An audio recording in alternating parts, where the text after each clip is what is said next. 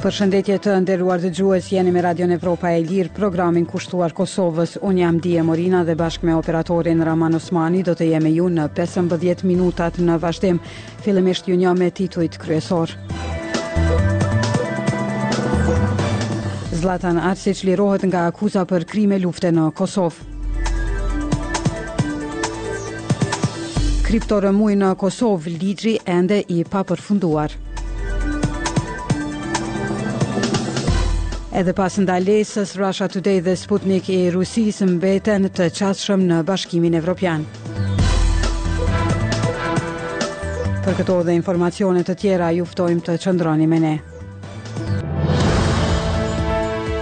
Radio Evropa e Lirë është media e pavarur amerikane e themeluar nga Kongresi i Shteteve të Bashkuara të Amerikës. Misioni ynë është promovimi i vlerave dhe institucioneve demokratike. Gjykata Themelore në Prishtinë e ka liruar Zllatan Arsiçin nga akuza për krime lufte që përfshinte periudhën gjatë vitit një mijë e nëntëqind e nëntëdhjetë e nëntë në Kamenicë. Me aktgjykimin e shpallur sot, atij i është ndërprerë edhe paraburgimi.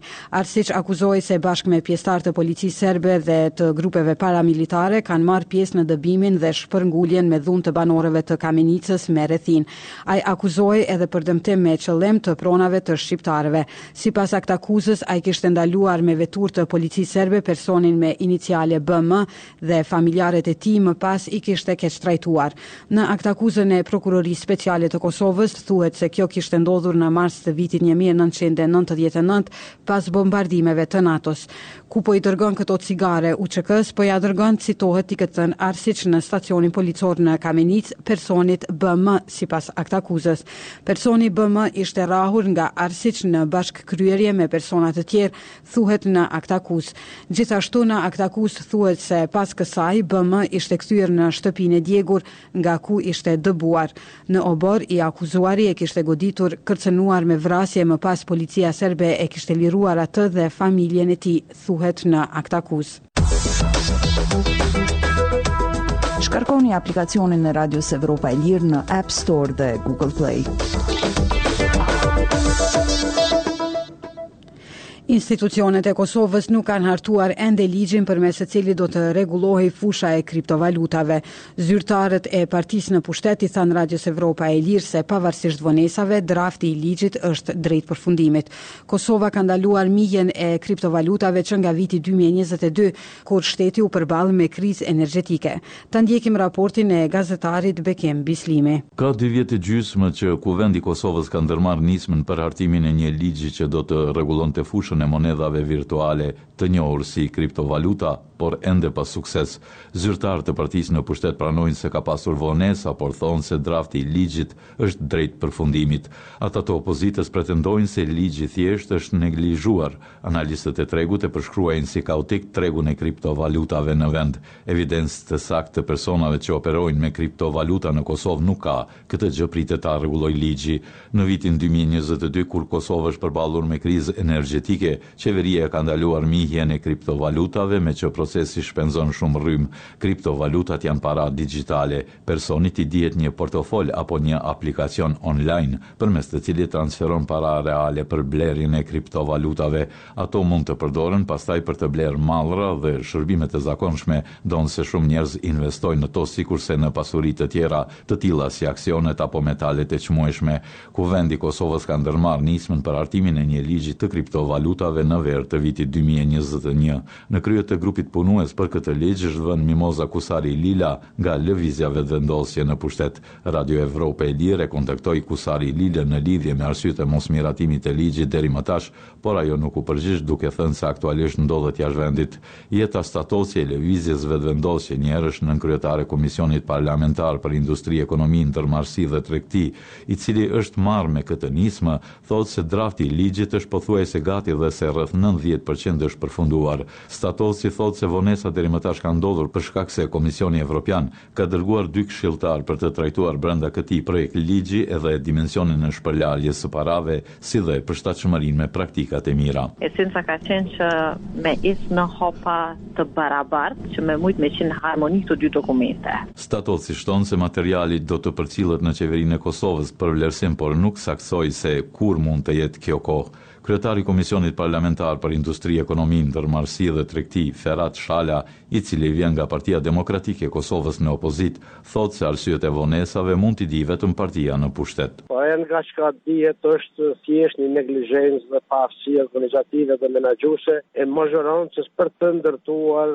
strukturën bazike të një ligji shton fjalë. Radio Evropa e Lirë i është drejtuar edhe dy dikastereve qeveritare, Ministrisë së Financave, Punës dhe Transfereve dhe Ministrisë së Industrisë, Ndërmarrësisë dhe Tregtisë, me pyetje për pasojat që i shkakton mungesa e një ligji që rregullon veprimtarinë e kriptovalutave, si dhe për përfitimet që do të sillte një masë e tillë, por nuk mori përgjigje. Sipas të dhënave që siguroi Radio Evropa e Lirë nga dogana, ky institucion gjatë vitit dy mijë e njëzet e tre ka sekuestruar pajisje për prodhim të kriptovalutave në vlerë të përgjithshme mbi dyqind e pesëdhjetë e katër mijë euro, ndërsa gjatë vitit dy mijë e njëzet e dy vlera e pajisjeve për mihje kriptovalutash të sekuestruar nga dogana ishte mbi njëqind e shtatëdhjetë mijë euro. Radio Evropa e Lirë kontaktoi edhe administratën tatimore të Kosovës për të marrë informacione nëse ka persona që përfitojnë nga kriptovalutat dhe e paguajnë tatim, por nuk mori përgjigje. Ngjashëm nuk u përgjigj as Banka Qendrore e Kosovës. Sipas deputetit Shala, dëmet nga mungesa e ligjit për kriptovaluta janë të pallogaritshme. Ne dimë se ekzistojnë. Aktualisht nuk e dimë askush sa paguan, sa prodhon, sa ka obligime ndaj shtetit. Deputetja Statovci pajtohet se me ligj do të përfitonin edhe bizneset, edhe shteti. Sipas saj, do të vihej rregull dhe do të eliminoheshin pasiguritë që kanë shfrytëzuesit e kësaj industrie. E gjithë kjo situatë për analistin e tregut dhe të investimeve në Kosovë, Arsim Ajeti, tash për tash është kaotike. Qofse i shkon ligji i rregulluar, personat në fjalë kishin pagu tatim jo që pe harxhojnë rrymën, po që pe prodhojnë bitcoinin. Ajeti shtoi se me ligj do të parandaloheshin shumë rreziqe si shpëlarja e parave apo financimi i veprimtarive të tjera ilegale. Veprimtari të tilla janë të mundshme sepse llogari për kriptovaluta mund të hapë çdokush dhe jo gjithmonë Duhet t'iu nënshtrohet kontrolleve që zakonisht bëjnë bankat. Vëmendja e opinionit është kthyer tek kjo çështje në fund të vitit të kaluar, kur Izraeli ka njoftuar se ka konfiskuar llogari të kriptovalutave që sipas tij kanë qenë të lidhura me Hamasin, grup i shpallur terrorist nga Shtetet e Bashkuara dhe fuqi të tjera. Vitin e kaluar, Bashkimi Evropian, ku Kosova synon të anëtarësohet, ka miratuar një rregullore për tregjet e kriptoaseteve e njohur si MiCA. Ajo kërkon që firmat e kriptoaseteve të autorizohen nga Bashkimi Evropian për t'u shërbyer klientëve në bllok dhe t'i respektojnë masat mbrojtëse kundër pastrimit të parave dhe financimit të terrorizmit. Rregullorja po ashtu u kërkon ofruesve të shërbimeve të kriptoaseteve që t'i ndajnë informacionet e detyrueshme me autoritetet tatimore. Për Radion Evropa e Lirë nga Prishtina, Bekim Bislimi. Në evropaelire.org mund të lexoni materiale dhe analiza ekskluzive nga vendi, rajoni dhe bota. Përkundër sanksioneve të Bashkimit Evropian për ta penguar propagandën ruse që mbështet luftën e Kremlinit në Ukrainë, Mediat ruse Russia Today dhe Sputnik po vazhdojnë të jenë të qasshme në Evropë. Hollësitë i sjell Doruntina Baftiu. Thellë në zemër të Bashkimit Evropian, brenda ndërtesave të mëdha të lagjes evropiane në kryeqytetin belg, ka prova të dukshme të dobësisë së bllokut. Pa përdorur VPN ose mjete të tjera për t'u lidhur, një korrespondent i Radios Evropa e Lirë arriti të hynte në webfaqet dhe shërbimet e transmetimit të RT-së, e njohur më herët si Russia Today dhe Sputnik-ut, nga ndërtesat e organit ekzekutiv të BE-së, që është Komisioni Evropian. Ai përcakton agjendën dhe drejtimin e përgjithshëm politik të BE-së, por nuk negocion apo miraton legjislacione. Webfaqet ishin të qasshme në disa gjuhë, pavarësisht pezullimit urgjent të tyre nga ana e Këshillit Evropian, kur Rusia nisi pushtimin në shkallë të plotë të Ukrainës në vitin dy mijë e njëzet e dy, gati dy vjet pasi në gjithë BE-në u vendosën sanksionet për ta penguar propagandën ruse që mbështet luftën e Kremlinit në Ukrainë, faqet e internetit të RT-së dhe Sputnik-ut, të mbështetura nga Kremlini, janë lehtësisht të qasshme në shumë vende të BE-së. përfshirë edhe vetë institucionet që i hartuan sanksionet kundër tyre.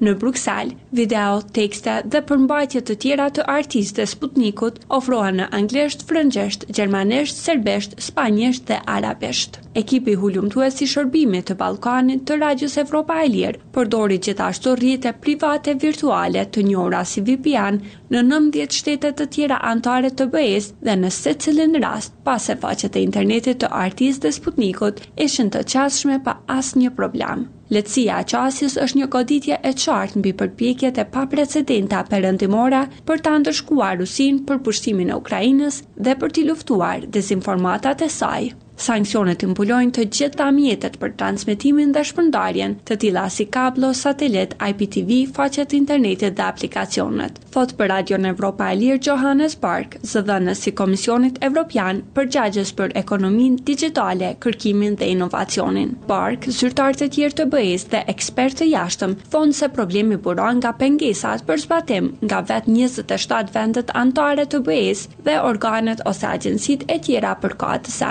Për ta zbatuar ndalesën, thonë vëzhguesit, autoritetet në çdo shtet anëtar duhet të kërkojnë nga ofruesit lokalë të shërbimeve që të eliminojnë qasjen në faqet e internetit të drejtuara nga Rusia. Sipas tyre, metoda më e sigurt është ndalimi i domeneve dhe adresave specifike të ueb-faqeve në nivel kombëtar. Bark thotë se në rastin e RT-së, Bashkimi Evropian sanksionoi media në anglisht dhe gjithashtu në Gjermani, Francë dhe Spanjë dhe pastaj edhe në arabisht. Sanksionet kapën edhe RT-në e Ballkanit në serbisht. Rasti serb paraqet një sfidë të veçantë për BE-në dhe Perëndimin.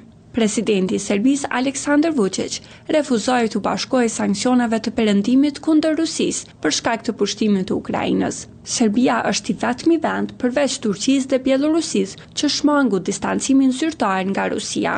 Sputniku i nisi operacionet e tij atje në vitin dy mijë e nëntëmbëdhjetë dhe ka një zyrë në Beograd, ndërsa RT-ja i nisi operacionet në gjuhën serbe në fund të vitit dy mijë e njëzet e dy. Shërbimi i Ballkanit i Radios Evropa e Lirë kërkoi shpjegime nga ofruesit e shërbimeve specifike në Belgjikë, ku janë të vendosura institucionet e BE-së, si dhe nga Ministria Belge e Telekomunikacionit, por, edhe dy javë pas kërkesës, nuk mori përgjigje. BE-ja përndryshe veproi urgjentisht për t'i kundërshtuar operacionet e ndikimit rus përmes mediave.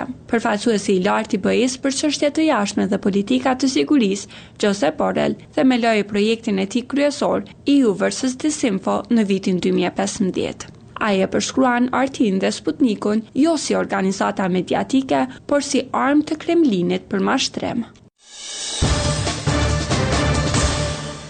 Forcat amerikane kanë kryer sulme ajrore kundër pesë raketave në Jemen të dielën, tha ushtria amerikane duke bërë të ditur se një prej raketave ishte e projektuar për sulm tokësor ndërkaq të tjerat për të shënjestruar anijet në Detin e Kuq. Sulmet erdhën një ditë pasi forcat e Shteteve të Bashkuara dhe Britanisë së Madhe kryen sulme të reja ajrore kundër objektivave iraniane, duke i goditur tridhjetë e gjashtë caqe të grupit rebel Houthi në Jemen si përgjigje ndaj sulmeve të vazhdueshme të rebelëve ndaj anijeve. Komanda Qendrore e SHBA-së tha në rrjetet sociale se forcat amerikane kryen një sulm në vetëmbrojtje kundër një rakete lundruese që ishte projektuar për sulm tokësor dhe më vonë goditën katër raketa lundruese të cilat ishin të përgatitura për t'u lëshuar kundër anijeve në Detin e Kuq. Forcat amerikane identifikuan raketat në zonat e kontrolluara nga Huthët e Jemenit dhe përcaktuan se ato paraqisnin një kërcënim të menjëhershëm për anijet e marinës amerikane dhe anijet tregtare në rajon, shtoi Komanda Qendrore e SHBA-së. Sindikata e Punëtorëve Verdi i ka bërë thirrje stafit tokësor të kompanisë Lufthansa në Gjermani që të mërkurën të hyjë në grevë. Aeroportet në Frankfurt, Mynih, Hamburg, Berlin dhe Dyseldorf të Gjermanisë do të preken, tha sot herët një zëdhënës i Sindikatës së Punëtorëve. Greva vjen pas negociatave të vazhdueshme për pagat e grupit Lufthansa dhe bëhet fjalë për rreth njëzet e pesë mijë punonjës të ekuipazhit tokësor në Deutsche Lufthansa, Lufthansa Technik dhe Lufthansa Cargo. Oferta e punëdhënësve në raundin e dytë të negociatave më 23 janar u refuzua. Rritja e propozuar e pagave u konsiderua si shumë e ulët.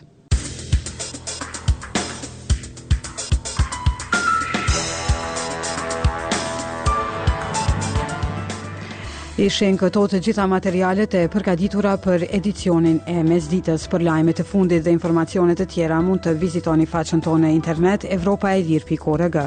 Jemi aktivë edhe në rrjetet sociale Facebook, X, Instagram, Threads dhe YouTube.